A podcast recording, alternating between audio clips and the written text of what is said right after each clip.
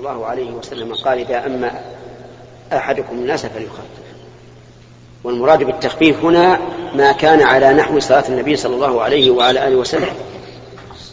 ولهذا قال أنس بن مالك ما صليت وراء إمام قط أخف صلاة ولا أتم صلاة من النبي صلى الله عليه وعلى آله وسلم. وعليه أن يراعي المأمومين. فمثلا إذا كان فيما بعد التشهد الأول فالقراءة السرية يقرأ الفاتحة آية آية كما كان يقرأها وهو وهو يجهر يعني بعض الأئمة تجزم أنه فيما بعد التشهد الأول يقرأ الفاتحة بسرعة أكثر مما كان يقرأها في حال الجاهلية. فالذي أرى أنه يقرأها مرتلة آية آية.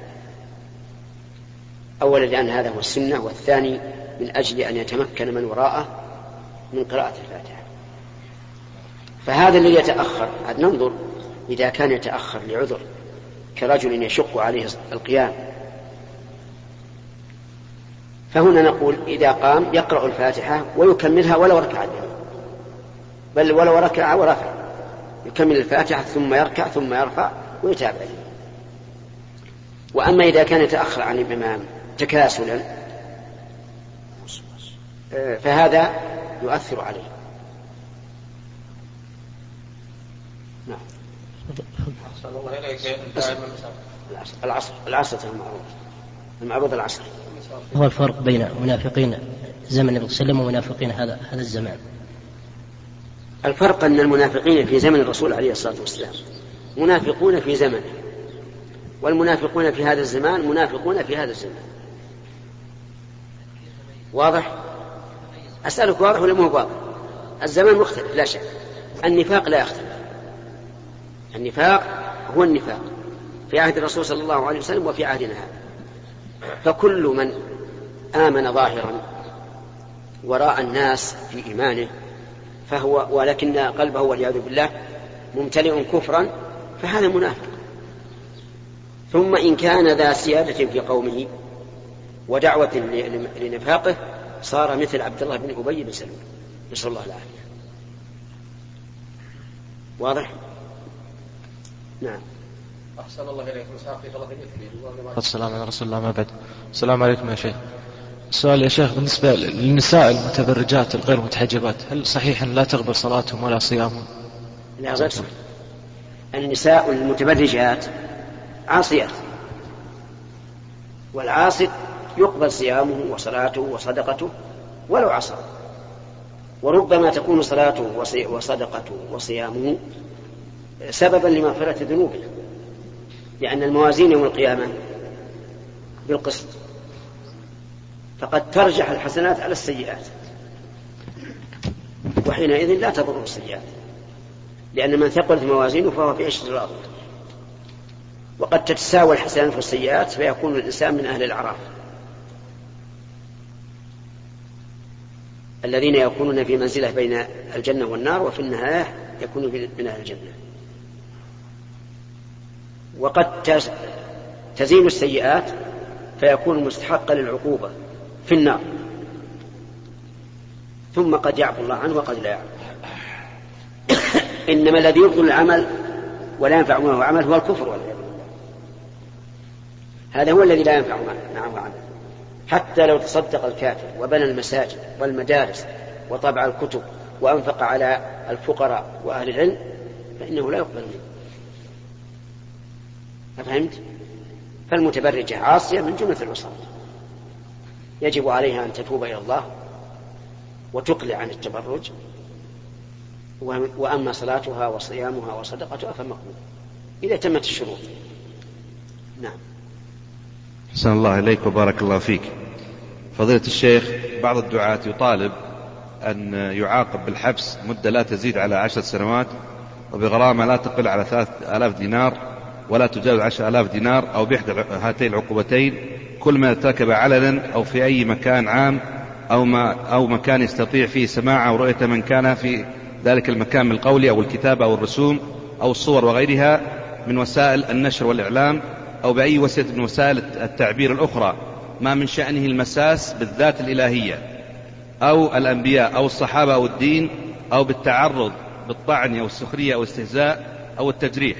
كما يعاقب بالحبس مدة لا تجاوز ثلاث سنوات وبغرامة لا تجاوز ألف دينار أو بإحدى هاتين العقوبتين كل من ارتكب علنا أو في مكان عام وبوسيلة من وسائل التعبير المشار إليها في الفقرة السابقة ما من شأنه الطعن في المذاهب الدينية آه، أو الدعوة إلى الطائفية أو إثارة الفتنة أو مناهضة الوحدة الوطنية.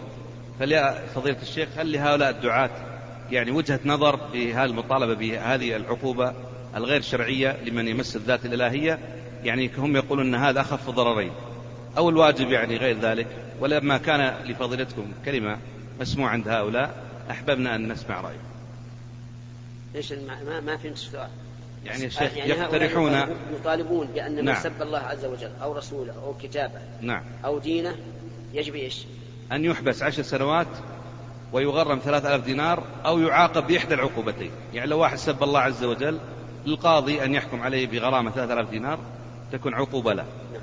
والآن يقولون يعني لو واحد شتم أو استهزأ ما يعاقب بأي عقوبة أو عقوبة أخف من هذه. فهم طالبوا بتش... يرى سلمك الله أن نعم. من سب الله أو رسوله أو كتابه أو دينه أنه مرتد يجب أن يقتل وجوبا ويقتل على أنه كافر.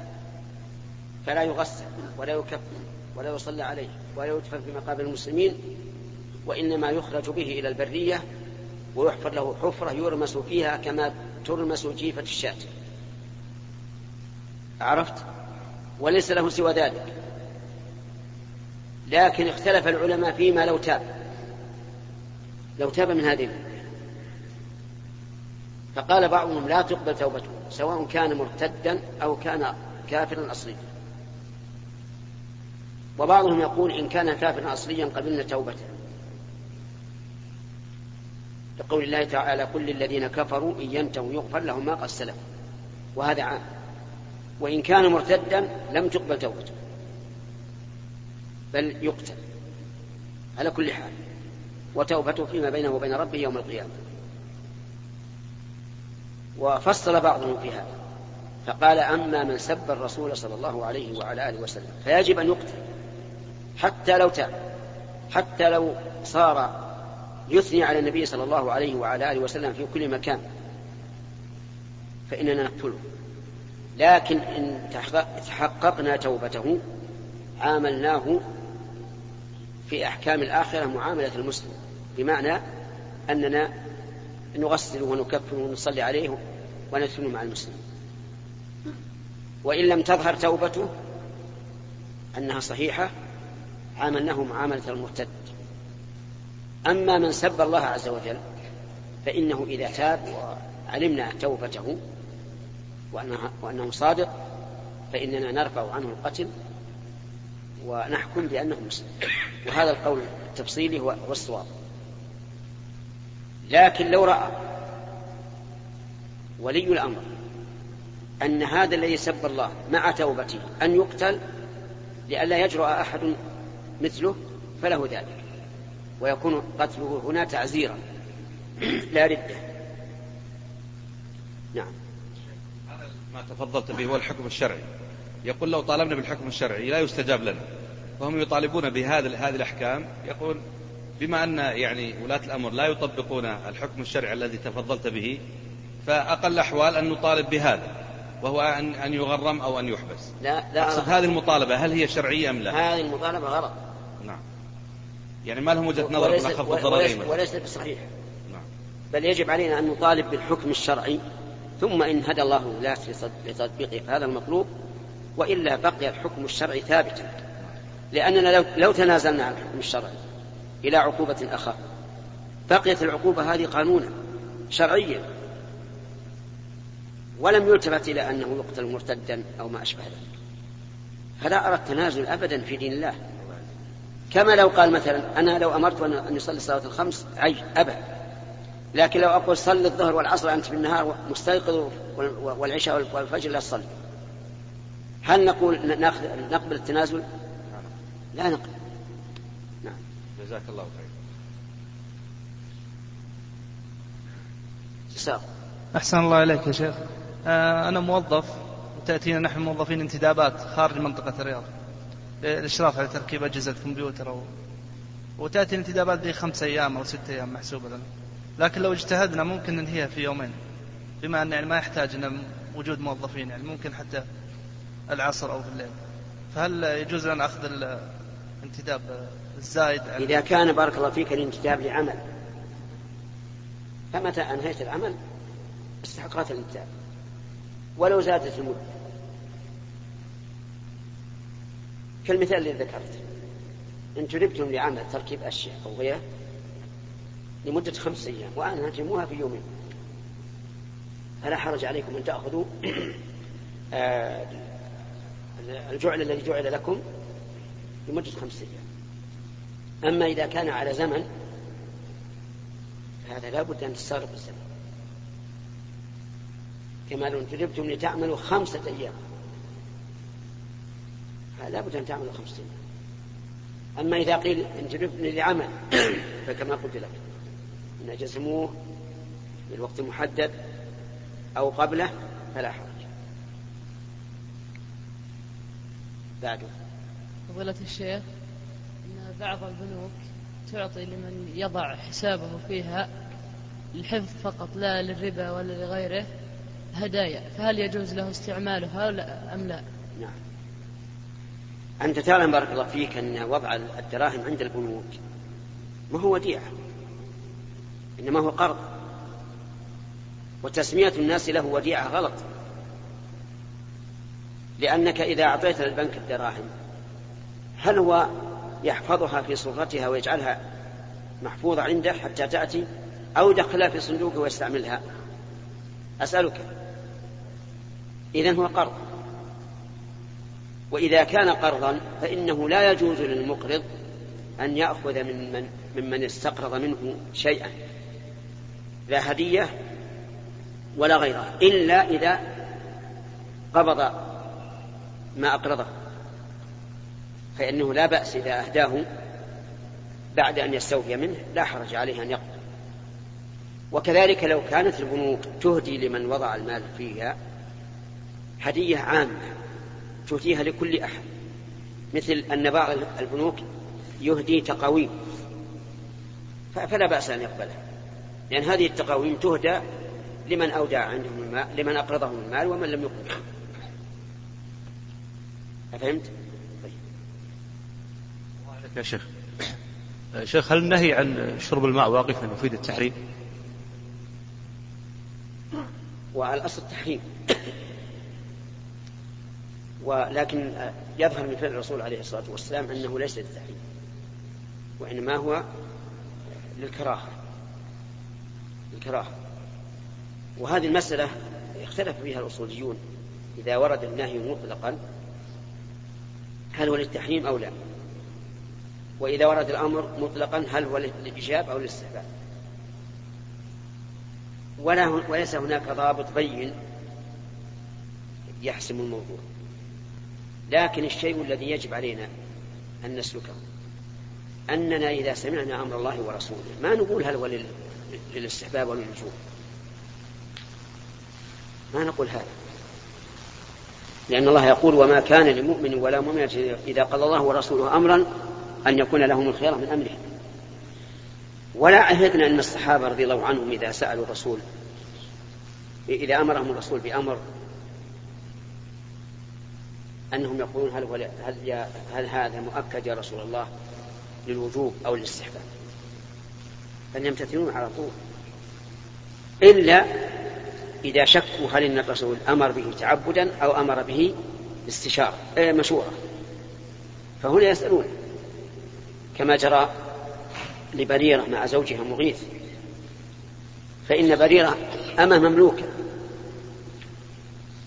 عتقت والمملوكة إذا عتقت وزوجها مملوك خيرناه إن شاءت بقت معه وإن شاءت فسخت النكاح.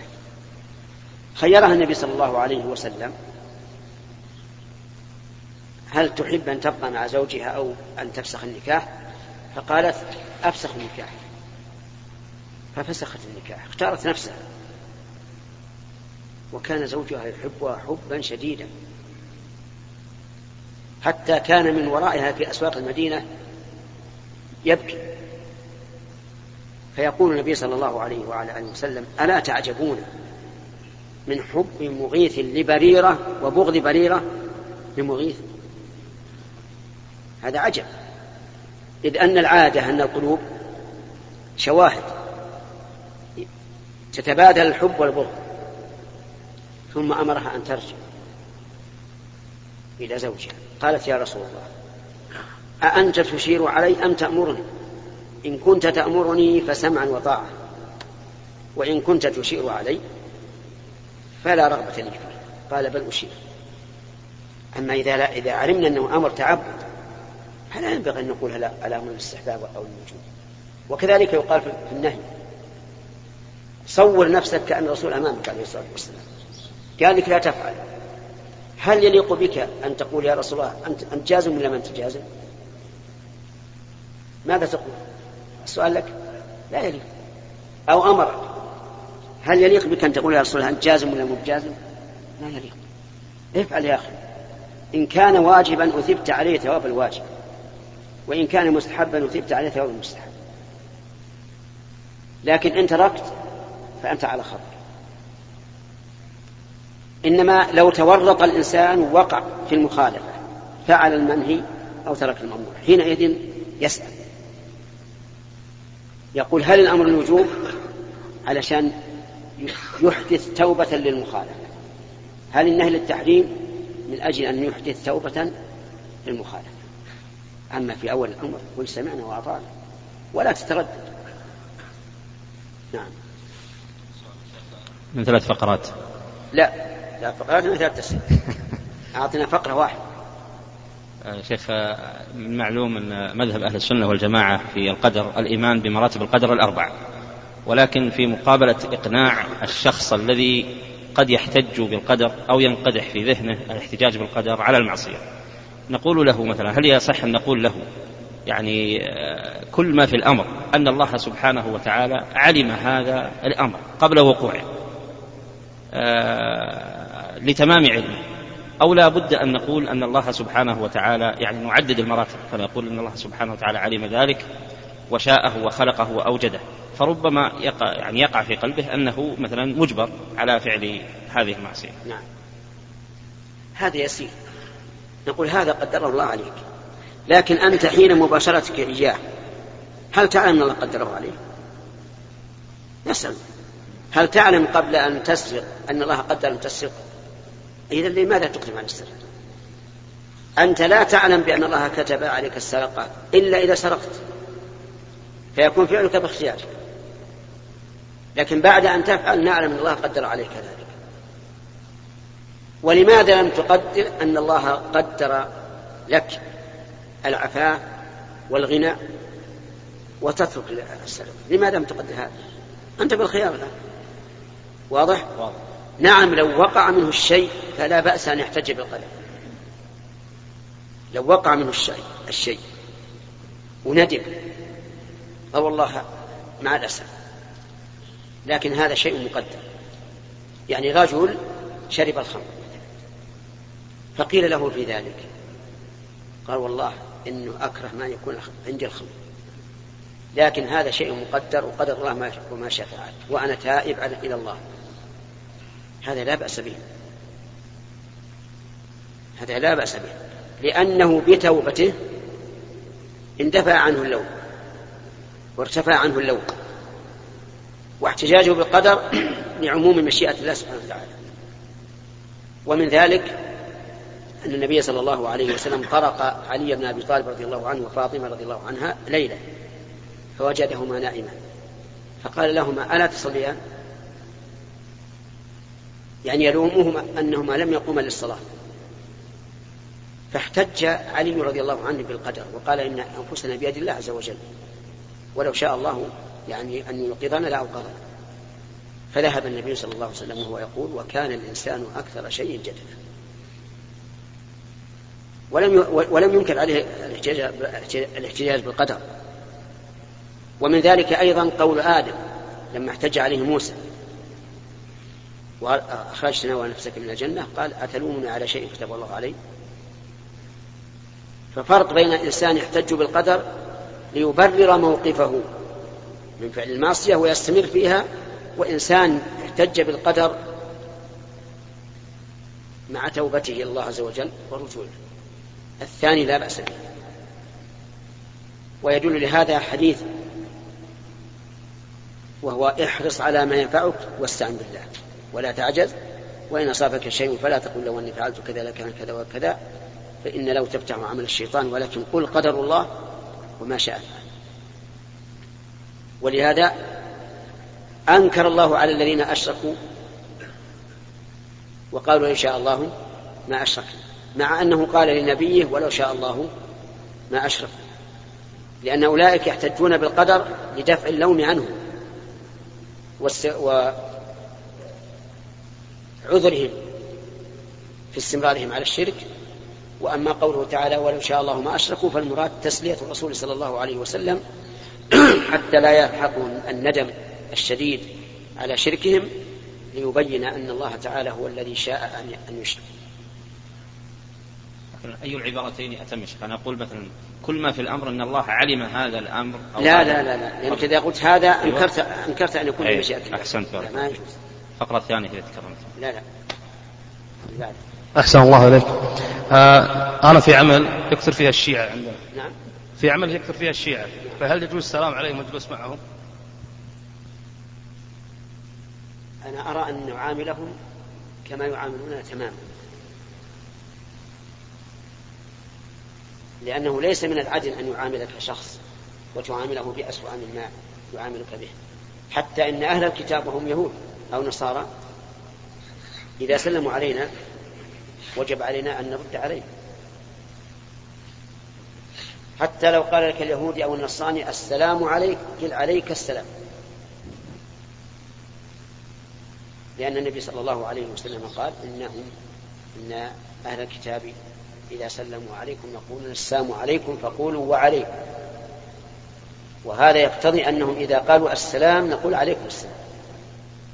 لأن لو فرض أنهم قالوا السلام عليكم بلفظ صريح قلنا وعليكم. وش معنى وعليكم؟ أنت. عجيب يا أخي. يهودي أو نصراني قال لك السلام عليك قلت وعليك. وش المعنى؟ وعليك السلام. هذه. فالنبي عليه الصلاة والسلام أمرنا أن نرد على أهل الكتاب بقولنا وعليكم لأنهم يقولون السلام عليكم.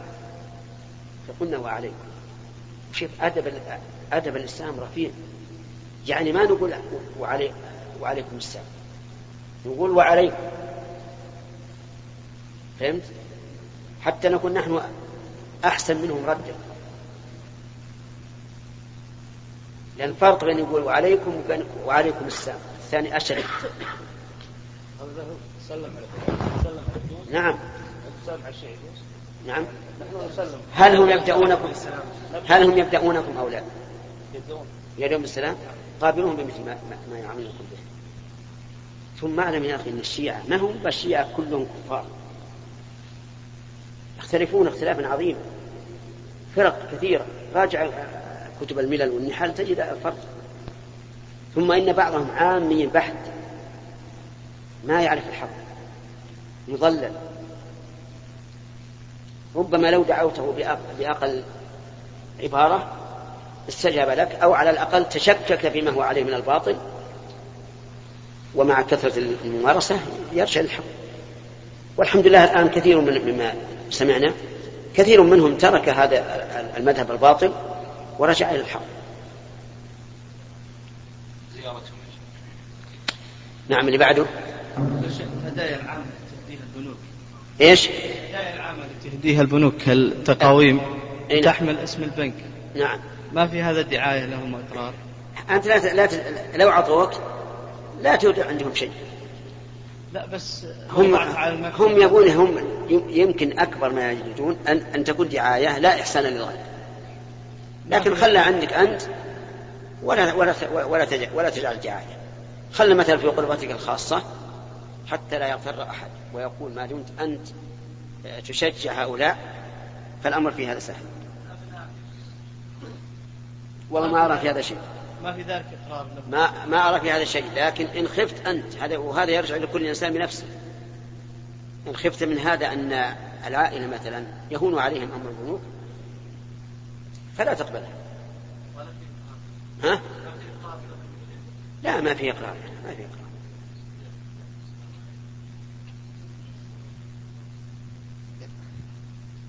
يلا يا شيخ السلام عليكم. بالنسبة يا شيخ للأطفال اللي عنده أبناء جاب لهم إيه أبناء. وجاب لهم فيديو أفلام أفلام كرتون هذه الإسلامية وقال إنها إسلامية أو أفلام الحيوانات تصوير الحيوانات وتعريف مع الحيوانات. هل فيها شيء يا شيخ؟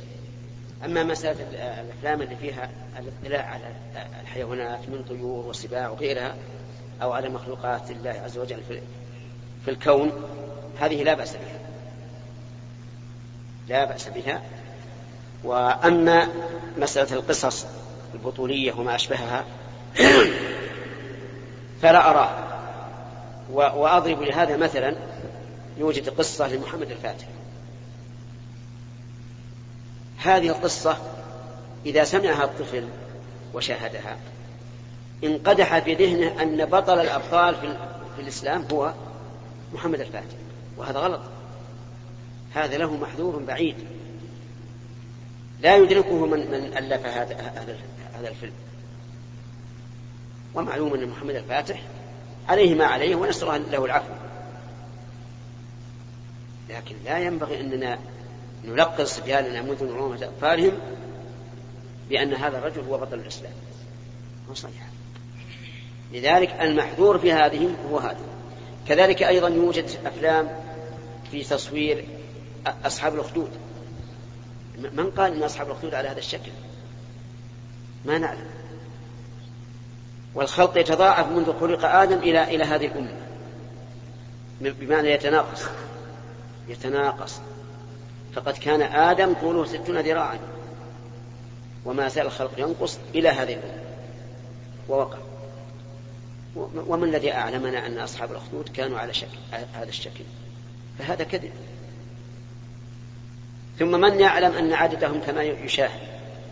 قد يكون آلافا مؤلفة أو أقل من هذا المشاهد. فمثل هذه الأشياء. يعني ينبغي الإنسان أن يتفطن لغور المسألة وما وما هي النتيجة التي تصل إليه. يا شيخ نعم. السلام عليكم. خذ المسجل. نعم. السلام عليكم. إذا وقع إذا حصل خلاف بين الزوجين يا شيخ فوقع غضب الزوج ووقع بالطلاق والمرأة حائل ما ما في جواب هذا. هذا مسألة خاصة بيني وبينك والعصر إن شاء الله مر علينا في المسجد ونفتيك فيها نعم. ها؟ خذ الميكروفون. أقول يا شيخ حديث النبي صلى الله عليه وسلم إذا جلس الرجل بين شعب زوجته ثم جاهدها. في الحديث وجب الغسل حتى لو لم يولج يعني يا شيخ. ما يمكن يشهده يا رجل إلا إذا جامع. الظاهر إنك ما تزوجت أنت. نعم. اي